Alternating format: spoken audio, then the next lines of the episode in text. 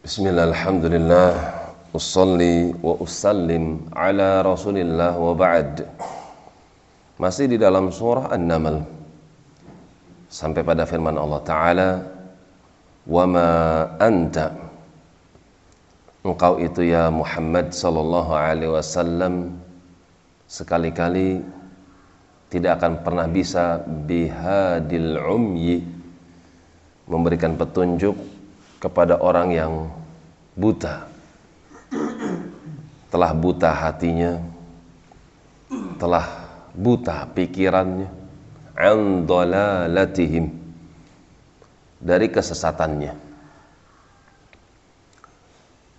Contoh LGBT ketika fitrah mereka telah rusak ketika akal sehat mereka telah terbalik maka sulit mengembalikan mereka kepada kodratnya ketika fitrah itu telah rusak.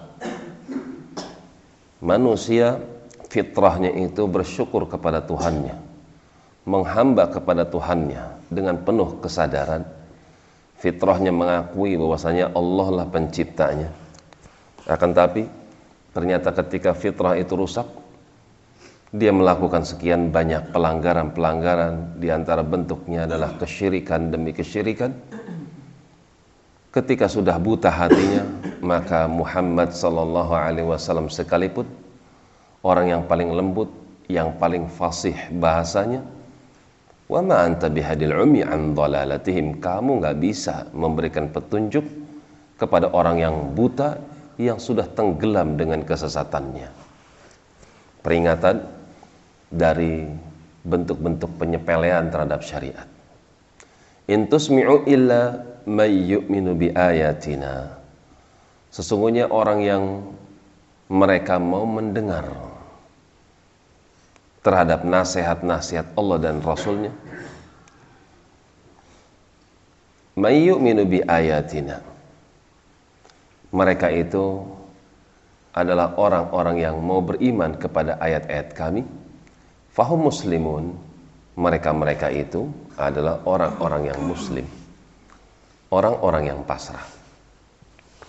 Manakala seorang mendapatkan ayat Manakala seorang mendapatkan sabda Rasul Dan dia bisa pasrah Menerima dengan sepenuh hati Atas perintah Allah dan sabda Rasulnya Maka itu merupakan tanda kebaikan. Bahwasanya dia termasuk seorang yang mendapatkan petunjuk akan tapi siapa yang merasa berat dengan firman Allah dan sabda Rasul, ini merupakan tanda kejelekan. Di mana dia harus minta kepada Allah hati yang baik, hati yang baru. Demikian wallahu alam bisawab.